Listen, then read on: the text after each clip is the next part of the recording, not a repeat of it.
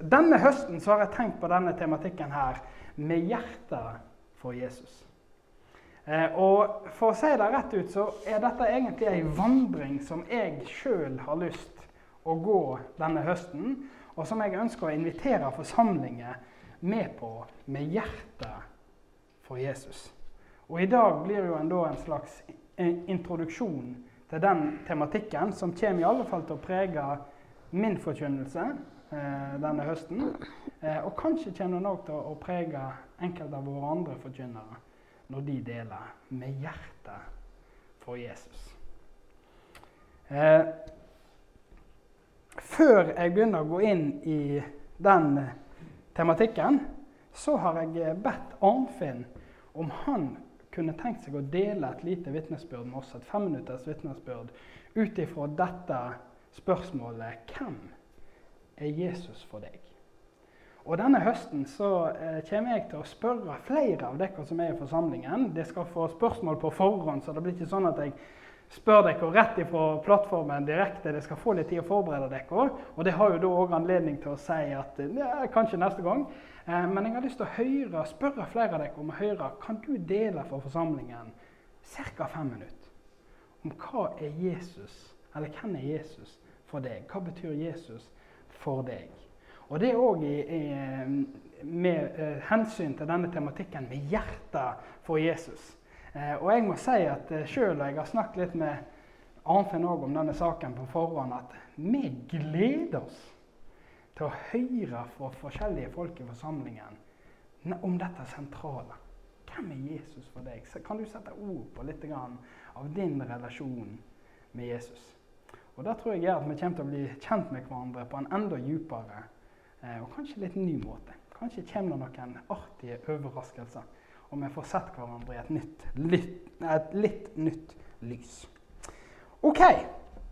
Arnfinn, min kjære bror. Er du klar? Har du lyst til å dele litt med oss? Ja. det er så bra. Du skal få en mikk, sånn at vi får det med på opptaket. Jeg bare setter den her. Den ligger der? Hallo, alle sammen. Ja, jeg tenkte jeg skulle først eh, begynne å fortelle vitnesbyrdene hvordan, hvordan, jeg ble frelst. da.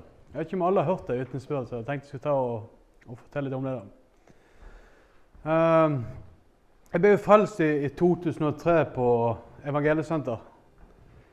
Men før det så levde jeg liksom et, et helt annet liv enn i dag, da.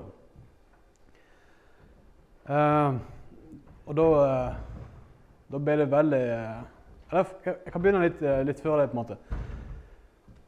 Jeg er vokst opp med, med, med kristne foreldre og sånn. Og det var et, eh, et veldig godt å ha det i livet. på seg. Men det var en gang i tenårene så sa mamma det til meg at,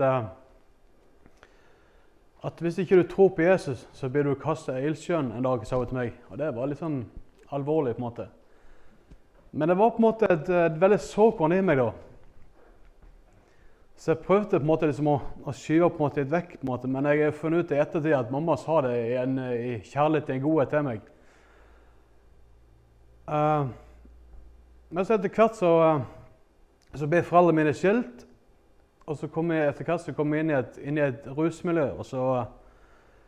Så ble det veldig eh, masse festing, og jeg begynte å røyke mye hasj og kom borti mye tabletter og litt amfetamin og forskjellige ting. Og, og livet ble liksom totalt eh, snudd opp ned, håper jeg. Og det holdt jeg på med et år. Og, eh, og livet ble på en måte bare verre og verre, på en måte. Eh, når foreldrene mine ble skilt, så prøvde jeg på en måte liksom å fylle på en måte med alt mulig narkotika og alkohol for liksom å prøve å døyve den sorgen og smerten. på en måte. Men så kom jeg inn på evangelsenteret, og det var eh, et høydepunkt i det jobbet. si. Og så husker jeg liksom eh, ene kvelden inn på soverommet mitt, og så kom jeg veldig sånn i, i synden og dødelivet mitt. Jeg husker jeg bøyde kne inn på soverommet mitt og eh, sa til Jesus jeg trenger et man trenger tilgivelse for alt det gale man har gjort i livet mitt. For jeg liksom Jeg har jo lest i Bibelen at jeg har, jeg hørt at hver den som påkaller Herres navn, skal bli frelst. da. Men så hadde vi et par-tre dager etterpå så hadde vi sånn samling i Evangeliesenteret. At vi, eh, Du husker sikkert hvordan det var. at eh, Vi sang mye sentersanger og sånn. Og så fikk jeg veldig sånn Nei, unnskyld, nå skal jeg vende litt. Det var litt sånn jeg var, var, Først var jeg på en møte, sånn var det. Og så fikk jeg veldig sånn Et veldig sånn hjertebank. Jeg, jeg, jeg bare visste at, at, Jesus kalte veldig sterkt på livet mitt. Og jeg har liksom hørt at når Jesus kaller på deg, så, så, så kaller han på hjertet. da. Men så gjorde jeg på en måte ingenting med det heller. da. Men så et par til dager etterpå da hadde vi en sånn samling. Og da fikk jeg sånn veldig igjen. Nesten jeg følte nesten fikk et hjerteinfarkt. Jeg følte at, akkurat som Jesus kalte meg siste gang. Det var veldig sånn, en tøff opplevelse. på en måte. Og så sa jeg jeg tror noen må be for meg. Og sånne ting. Jeg var helt... Uh... Og så husker jeg det var to stykker som tok og ba for meg.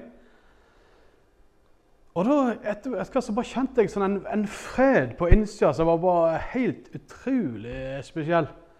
Når, når, jeg husker det som litt sånn Senere på kvelden så, så, ringte jeg det, så ringte jeg mamma og fortalte at nå, er, nå har du fått bønnesvaret. sa jeg til henne. Liksom. Nå har jeg blitt frelst, sa jeg til henne. Da ble hun, ble helt i hundre telefoner. Det er vanlig.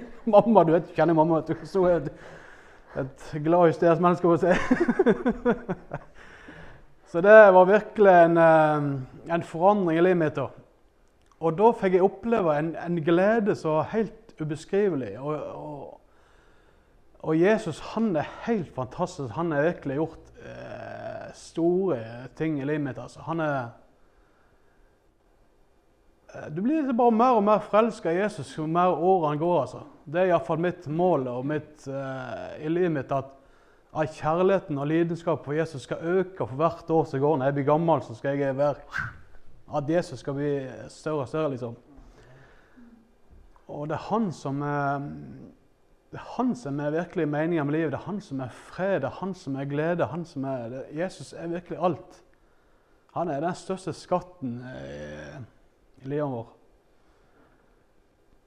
Og hvordan han gjenoppretter alt, og hvordan han er jeg er veldig takknemlig for at Jesus har gitt meg Helene, for eksempel, og han har gitt oss veilighet. Og ja, Jesus har gitt oss mye.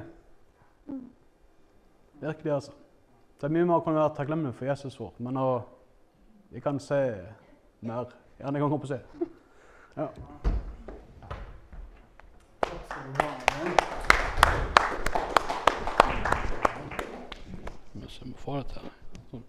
Er ikke det kjekt å høre vitnesbyrd?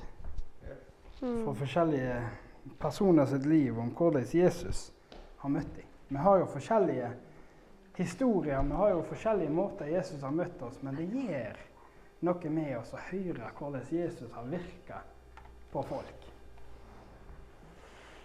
Jeg syns i hvert fall det er veldig oppmuntrende. Eh, og jeg håper at det kan være med å, å oppmuntre dere òg, og ikke minst i truen på at Guds arm er ikke for kort å frelse. Av og til så tror jeg at her ute på bygda helt på å si, ja, der miljøet ikke er sånn voldsomt stort, og nabolaget ikke er sånn voldsomt stort, og av og til sånn tilsynelatende så kan det virke som det ikke er så mye som skjer. Og kanskje kan en løgntanke komme og snike seg inn i oss og si at nei, Herrens arm er blitt for kort til å frelse. Jesus er ikke relevant lenger. Og, eh, og, og, og han, kanskje han er liksom litt ferdig med Norge. Vi er så blitt så rike, og vi er blitt så Hjertene våre er blitt så feite på alt uh, vi holder på med. Vi vil ikke høre enn Norge, vi vil ikke ha noe med Gud å gjøre. Men Guds arm er ikke for kort til å frelse. Til og med i kongeriket Norge, til og med på Frekkhaug, til og med i Mollekleiv, der som pastoren bor. Til og med der er ikke Guds arm blitt for kort til å frelse. Mm. Og da syns jeg virkelig at vi skal løfte opp enda mer, og virkelig som vi blir eh, med eh, forventning og frimodighet Hvem rundt oss kan bli frelst? Hvem kan bli frelst rundt oss? Hvem kan Gud røre med? Hvem er den modne frukten? som på utsida kan vi kanskje ikke se at de har en lengsel for Gud, men Herren som kjenner hjertene, han vet at denne personen som har dette ytre her, som ser ut som det er så langt vekk fra Gud, lengter egentlig desperat etter Gud. Kanskje det eneste som skal, som skal til, er at en eller annen pinsevenn, en eller annen kristen bror eller søster klarer å snuble seg bort og kommer med et velvalgt ord. Eller mindre velvalgt ord. Men Herren er med. Og kanskje er det alt som skal til. For Guds arm er ikke for kort til å frelse. Mm. Med hjertet for Jesus. Eh, Jeg eh, kommer i dag til å ha en liten Det får bære med meg, men jeg kommer til å ha en liten innføring der jeg kommer til å eh, gå litt ekstra gjennom Johannesevangeliet. For en måte jeg personlig kommer til å gå etter dette med hjertet for Jesus, er at jeg kommer til å denne høsten ha et spesielt fokus på å studere tekstene til Johannes i eh, Nytestamentet. Så hvis du eh, har lyst til å henge deg litt på det der, eh, en del av forkynnelsen min kommer helt sikkert til å komme derifra. Jeg regner med at når jeg studerer på det, så blir det inspirasjon som kommer ut av det, og, og det kommer til å prege forkynnelsen. Så Johannesevangeliet har jeg tenkt å gå litt grann grunninnføring gjennom i dag. Eh, og så kommer jeg til å lese disse brevene til Johannes.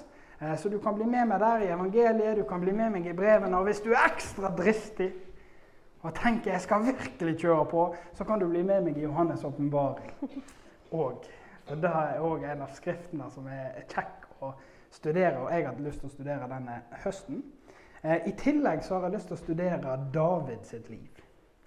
David er en veldig spesiell karakter i Gamle-testamentet. Eh, og, og vi snakker til og med om innenfor teologiens verden så kan vi snakke om en, den Dav, Davidian covenant, altså den davidske pakt. Davidspakten som han hadde med Gud. der du snakker sånn. Vi snakker, vet jo om den gamle pakt, vi vet om den nye pakt. Men andre pakter som på en måte har en, fått en spesiell eh, betydning, der står David ganske sentralt. Eh, og han fikk en tilgang til Gud og Guds hjerte som var egentlig helt spesiell for den tida han levde i. Så David har jeg òg lyst å studere. OK. Du vet at i alle de tre Vi har jo fire evangelier som det vet veldig godt. Og de tre første som er i Bibelen, de kaller vi for de synoptiske evangeliene. Det er de evangeliene som eh, en tenker at er eh, skrevet eh, basert på i stor grad hverandre. En tenker seg at Markusevangeliet mest sannsynlig var det første. Eh, og var evangeliet til Markus som da fulgte Peter. Eh, og skrev Det er det kortfaste. Det er actionevangeliet vårt, eh, hvis eh, vi kan si det på den måten. Det er bam, bam, rett på mirakler, tegn og under. Markus han tenker at han var virkelig en evangelist i hjertet. Vi kaller jo alle for de fire evangelistene, men Markus han var virkelig en evangelist, tenker han. Og han skrev, er det en del som hevder, dette evangeliet med tanke på å, at det kunne bli offentlig framført. Eh, en snakker om, eh, Vi skal ikke gå langt inn og rote oss vekk i dette, her, men en snakker om en hellenistisk eh, scenekunst som var regjerende på den tida. Han tenker seg at Markus han fulgte dette. Det er, det er action. Og han har jo da virkelig eh, som budskap å vise at Jesus er den han sier han er. Jesus er frelser. Og han tenker at dette, På dette evangeliet er på en måte det første mest sannsynlig som er skrevet. Så er det Matteus og Lukas som har skrevet. Matteus han skriver et evangelium som en eh, enkelt sagt kan, kan veldig ofte vil tenke at det er skrevet for et jødisk publikum. Eh, der eh, han eh, bruker litt tid på å legge ut om de forskjellige tingene eh, som skjer. Lukas er jo granskeren, historikeren, eh, som har eh, eh, Han skriver til Theofilus der han sier at eh, eh, sånn at jeg har skrevet dette her for at du skal kunne vite at den trua du har, eh, har du god grunn for å ha.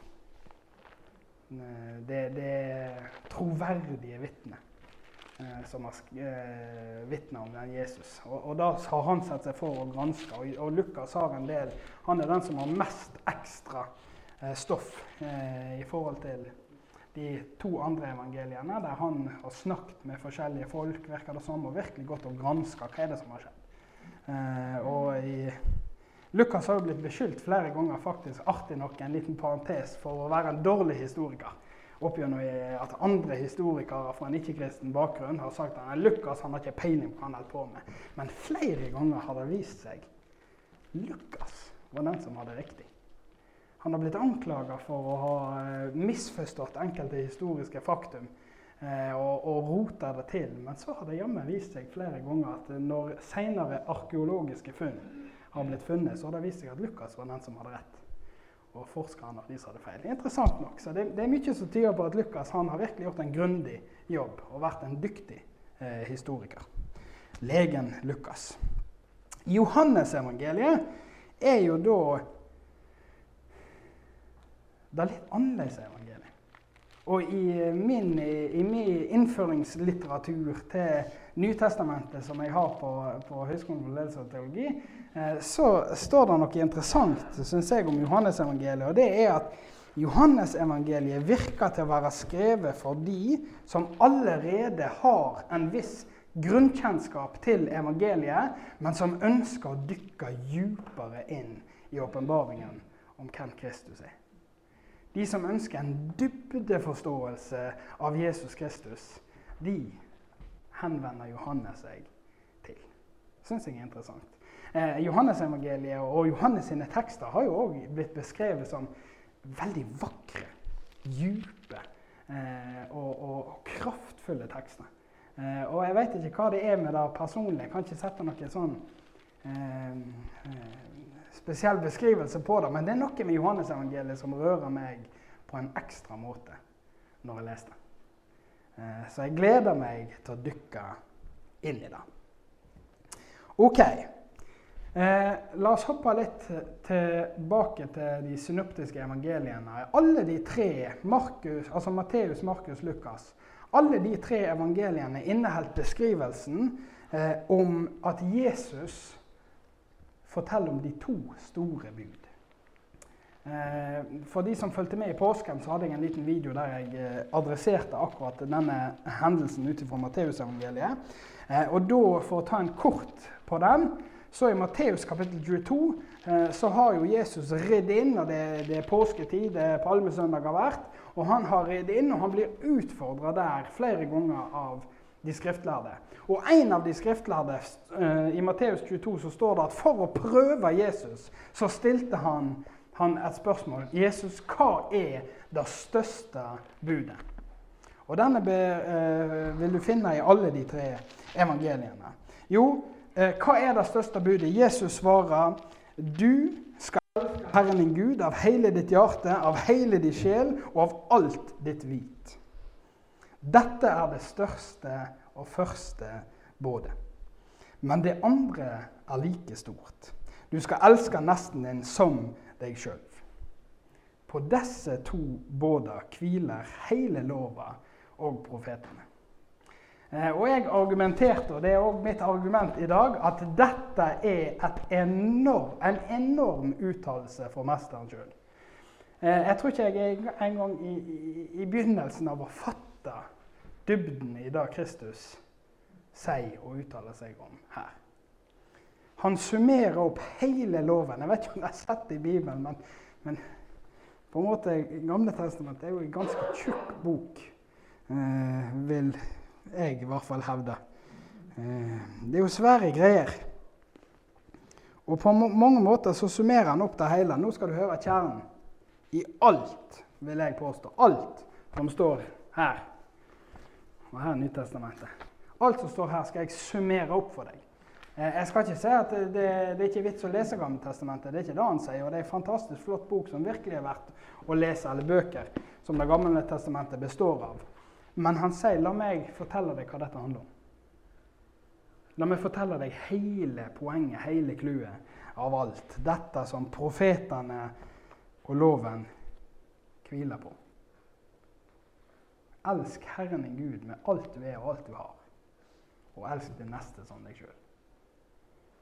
Jeg, jeg, jeg, jeg, håper det kan være med meg i denne undringen over kraften i dette verset. Og jeg vil påstå at det er enkle vers, men det er kanskje noen av de mest kraftfulle versene vi finner i boken.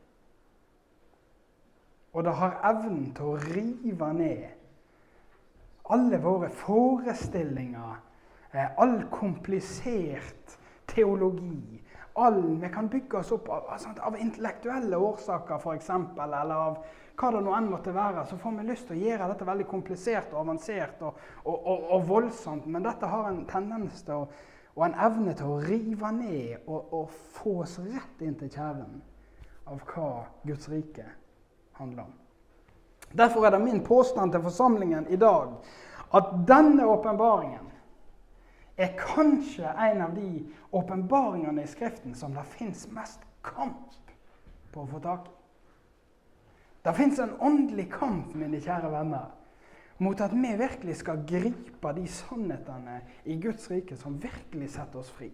Som virkelig istandsetter oss, og som virkelig gir oss kraft til å leve og erfare det kristne livet sånn som Gud hadde tenkt det.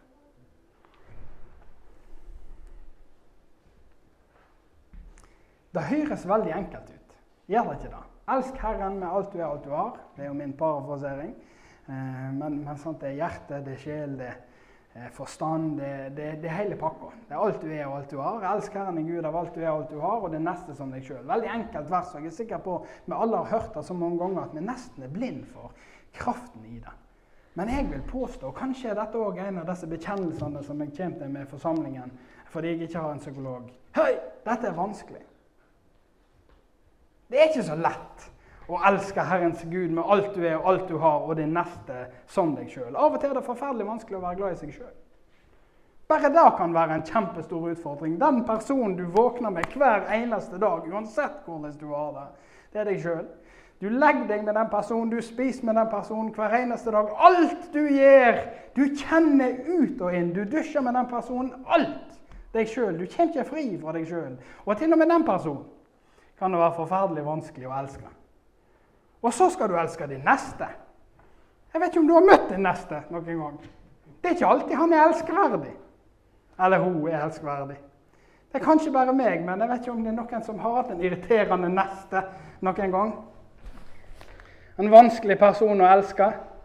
Det, det er ikke akkurat eh, kanskje å være god du har mest lyst til. Det kan være forferdelig vanskelig. Kanskje noen du har møtt på jobben, eller en nabo som ikke vil låne deg grasklipperen sin, eller vil låne din grasklipper hele tida. Du får ikke den tilbake, det vet du ikke, men du skal elske denne personen. Og så skal du elske Herren din Gud, som du ikke ser. Og Det er ikke mitt poeng, det er Johannes sitt poeng. Hvis du ikke kan elske din bror som du ser, hvordan kan du da elske en Gud som du ikke ser? Sant? Dette er vanskelig. Og vi kan late som vi får det til, men vi kjenner oss sjøl så godt at vi vet, og min kone vet, for hun er jo min luftkanal Det er ikke alltid så lett. Og frustrasjon kan bygge opp. Og, og poenget mitt er at vi trenger Guds hjelp for å få til dette. Men når vi får Guds hjelp Vi kommer ikke til å klare det sjøl. Det er mitt poeng. Dette kommer du ikke til å klare. Jeg tror ikke på deg hvis du sier dette klarer jeg sjøl. Jeg tror ikke på deg. Til og med om du har levd dobbelt så lenge som jeg har levd. Jeg nekter å tro at du i din egen kraft har kommet der at du er i stand til å elske Herren i Gud med alt du er og alt du har, og det neste er som deg sjøl. Jeg nekter å tro det. Vi trenger Guds hjelp for å få det til, og det er greit. Faktisk vil jeg påstå at det er hele poenget. Hele poenget med mye av det Gud forteller oss, er at vi er fullstendig avhengig av Han og Hans Hellige Ånd for å gjøre det Han ber oss om å gjøre. Hvis du klarer kristenlivet ditt perfekt i din egen kraft, da mener jeg da det er på tide å justere opp forventningene på hva du holder på med. Hvis du klarer alt sjøl, da har du tatt på deg for små sko. Da har du ikke tatt på deg de skoene Herren egentlig hadde tenkt at du skulle gå med. Hvis det er mulig å få til i egen kraft, da bommer vi på det målet Han har satt for oss. For han ber oss om mer umulige ting. Og da kan vi bli stressa, om vi kan tenke herlighet. Jeg som er en praktiker, kan definitivt kjenne på det. Ja, men hvordan skal jeg få tid til alt dette? Hvordan skal alt dette skje? Jo, jeg trenger hans hjelp. Det er det eneste som kan få oss igjennom. Amen. Fantastisk med Guds hjelp. Vi trenger fokus, folkens. Vi trenger lidenskap, vi trenger ydmykhet og vi trenger utholdenhet for å gå etter disse tingene som Jesus forteller oss. Om å elske Herren sin Gud med alt du er og alt du har, og det neste som deg sjøl. Vi trenger å bevisst etterjage dette. La det ikke bare være. Og det er det som er min bønn for meg sjøl. Først og fremst, faktisk. Er det lov for en pastor å eh, tenke jeg trenger litt hjertekirurgi sjøl av og til? Jeg vil, jeg vil etterjage dette. Og jeg vil selvfølgelig invitere alle som har lyst til å være med på det. Men det er min bønn at dette virkelig blir en høst der Gud skal få lov å skrelle av et par lag. Om det er lag som er kommet for å beskytte hjertet, om det er skuffelser opp gjennom årene, om det er negative forventninger for de du har opplevd En har hatt kanskje store drømmer og store håp til hva Gud skal gjøre, men så har vi opplevd at Herren drøyer. Peter snakker om det i en av sine tekster. At Herren drøyer. Drøyer Herren. Eh, hvorfor vil han ikke komme? Vil han ikke at dette skal skje, de tingene som jeg drømmer og lengter etter. Det er jo veldig i henhold til Guds rike med vekkelse, og folk blir frelst og alt mulig. Det er jo veldig flott. Vil ikke han da? Hvorfor drøyer han? Kanskje vi opplever skuffelser og, og beskytte oss for å drømme på samme måten igjen. Men uansett hva det er Kanskje har du blitt såra av en pastor. Kanskje har du blitt såra av en bror eller en søster. Eller kanskje ble ikke livet helt sånn som du hadde tenkt eh, når du satt fore deg skuta på et eller annet tidspunkt i ungdommen og så for deg alt om hvordan ting skulle bli. Kanskje ble det ikke sånn. Men uansett hva det er, så er min bønn at Gud skal virkelig komme og skrelle av lag. Sånn at hjertet vårt blir mjukt og vart og ømt for de tingene som Han taler om. Sånn at Hans Hellige Ånd kan komme og sveipe over oss som forsamling og enkeltpersoner på en måte som gjør at vi faktisk kan si eh, livet ble aldri det samme etter denne. Jeg tror på transformerende møter med Den hellige ånd, ikke bare én gang i ungdommen. Nå er, nå er, jeg kan ikke lenger leve på ungdommen. Jeg er blitt snart 34 år. Jeg føler meg som en ungdom ennå, men jeg skjønner at det er livsløgn.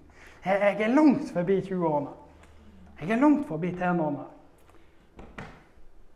Og jeg er så takknemlig til Gud at mitt siste sterke møte med Gud ikke var i tenårene, men det sterkeste møtet ligger faktisk framfor meg. Og det tror jeg er sant for alle som lever. Om du er 70 år, om du er 80 år, om du er 90 år, så fins det møter med Gud som gjør at du kan se tilbake og si Wow! Det er det heftigste jeg har opplevd med Herren. Tenk, det skal bare bli bedre og bedre. Plutselig en dag så står vi alle framfor han ansikt til ansikt og ser uten slør. Det blir heftig.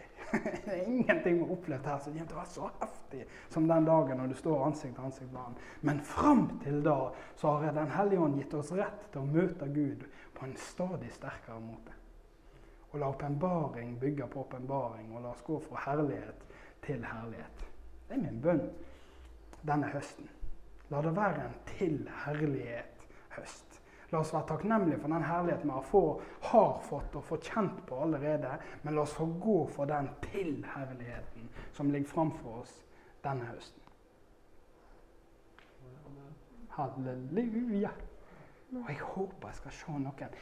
Jeg har fortalt det før, det må beklage, jeg må, jeg må gjenta dette. her, Men det gjorde sånn inntrykk på meg når jeg var på LED-konferansen, altså denne lederkonferansen til pinsebevegelsen. Nå sist, eh, det var vel i februar. Og det sto en mann, og jeg har jo dessverre glemt navnet hans til og med. Men, men, han var der, og han var godt og, godt og 70, for å si det sånn. Han var bikka 80. Og så sto han der, og så sa han, snakket om han hadde deltatt på bønnemøte og, og var liksom blitt en sånn bønnemøteperson. da.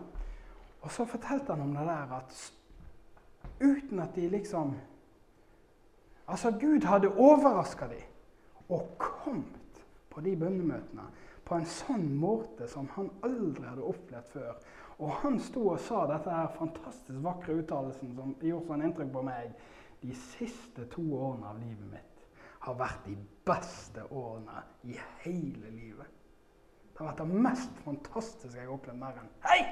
Det syns jeg er helt rått med en mann som har levd i tjeneste for Gud hele livet. Så han blitt 80 år, og så sier han de siste to årene av livet mitt har vært de beste med Herren. Det gir meg håp for mm. Betel. Det gir meg håp for meg sjøl. Eh, og det gjør at den For det at, la meg være såpass ærlig at når av og til når du har gått tjenesten med Herren, og du kjører på og du, du drømmer om store ting, og så går tida, så kan du komme under det inntrykket av at vent litt, det beste har allerede skjedd. Bibelskoletida, når du fikk et møte med Den hellige ånd for første gang. Det beste har allerede skjedd, nå må jeg bare holde ut til enden. Og det virker som det blir vanskeligere og vanskeligere for hvert år å holde fast på det jeg en gang. Jeg føler meg dummere og dummere for at jeg har satsa på det jeg har satsa på. Jeg ser alle mine venner og jevnaldringer som etablerer seg sterkt i sine liv og får finere og finere biler. Og jeg får verre og verre biler. En kan bli frista til å tenke Hei!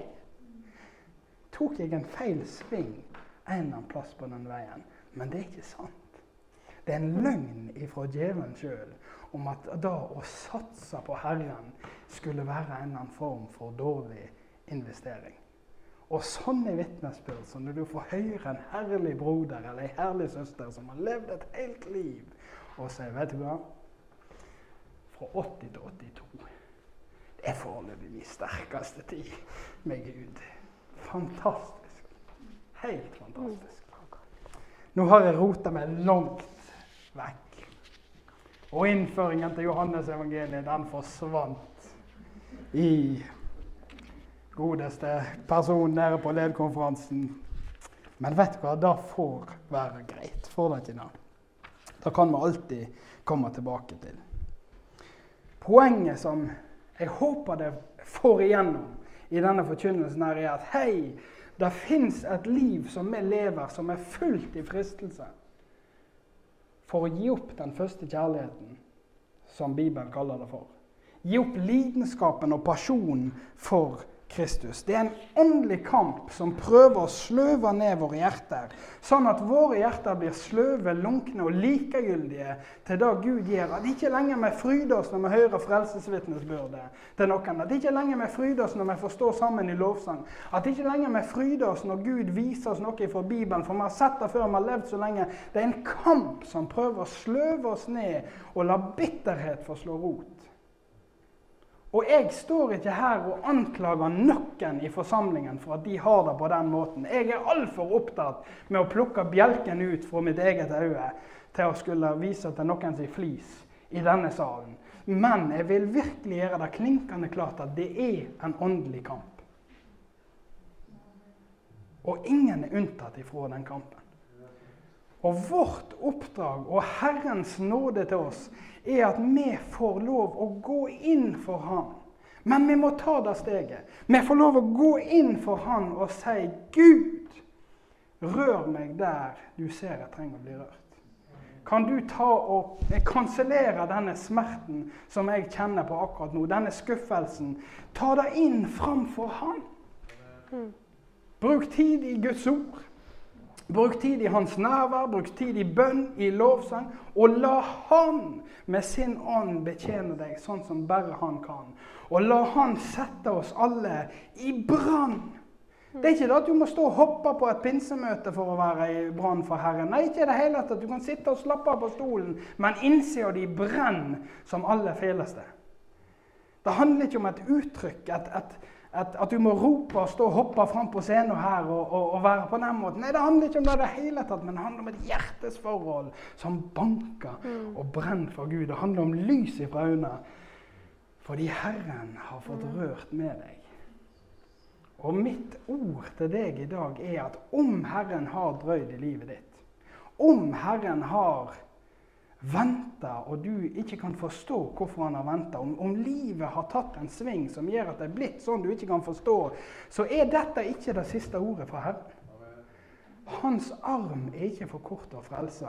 Hans arm er ikke for kort å nå deg i den situasjonen du er. Og du trenger ikke leve et liv der lidenskapen for Herren er dødd ut. Du kan få lov å leve et liv der de kommende årene blir de beste årene i hele ditt liv. La ikke djevelen vinne denne kampen med å kaste eh, vann på bålet som brenner på innsida. Men som Paulus sier til sin eller til Timoteus, da. Tenn opp igjen den nådegava som du fikk med min håndspåleggelse. Tenn opp igjen. Gå inn framfor Gud og si 'full fyr', takk. Full fyr. Og la djevelen få det vanskelig fordi at han nok en gang tenkte på å snu noe som helst negativt imot deg i utgangspunktet.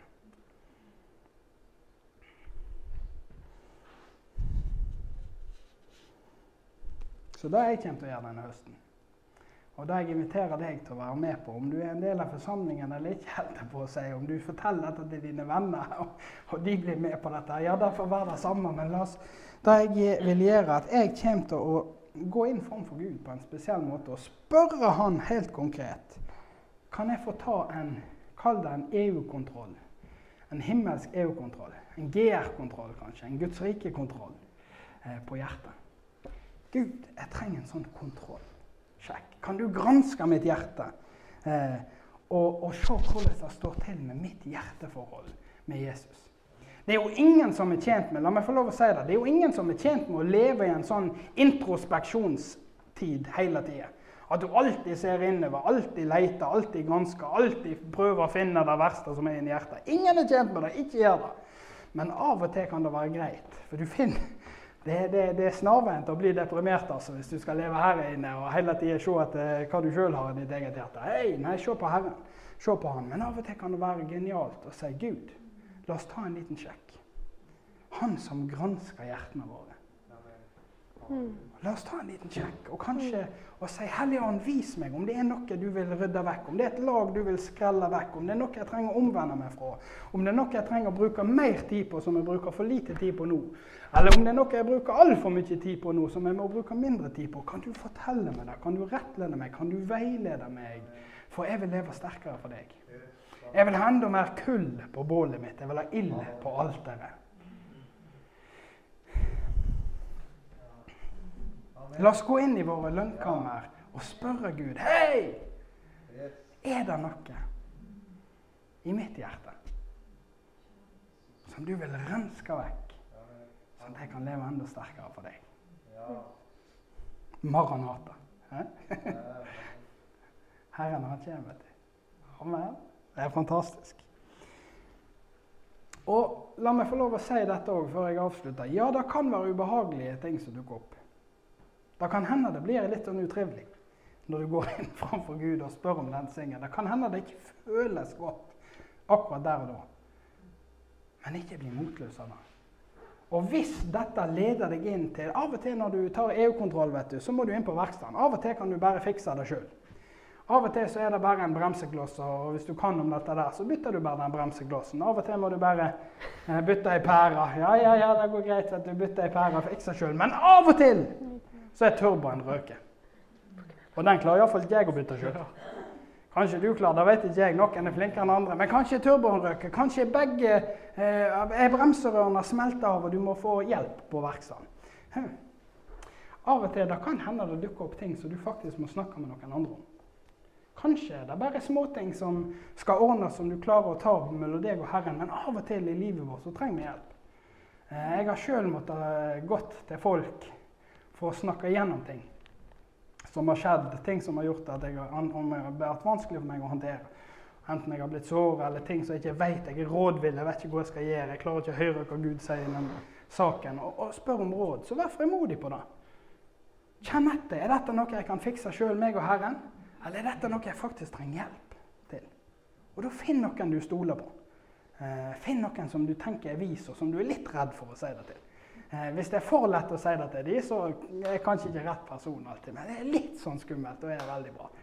og litt respekt for den personen du snakker med, og de har litt autoritet. Så, så, så fortell det noen, og inviter noen til å være med deg i den opprenskningen. Men ingen trenger å gå inn i fordømmelse for det de finner. Det er det som er mitt poeng òg.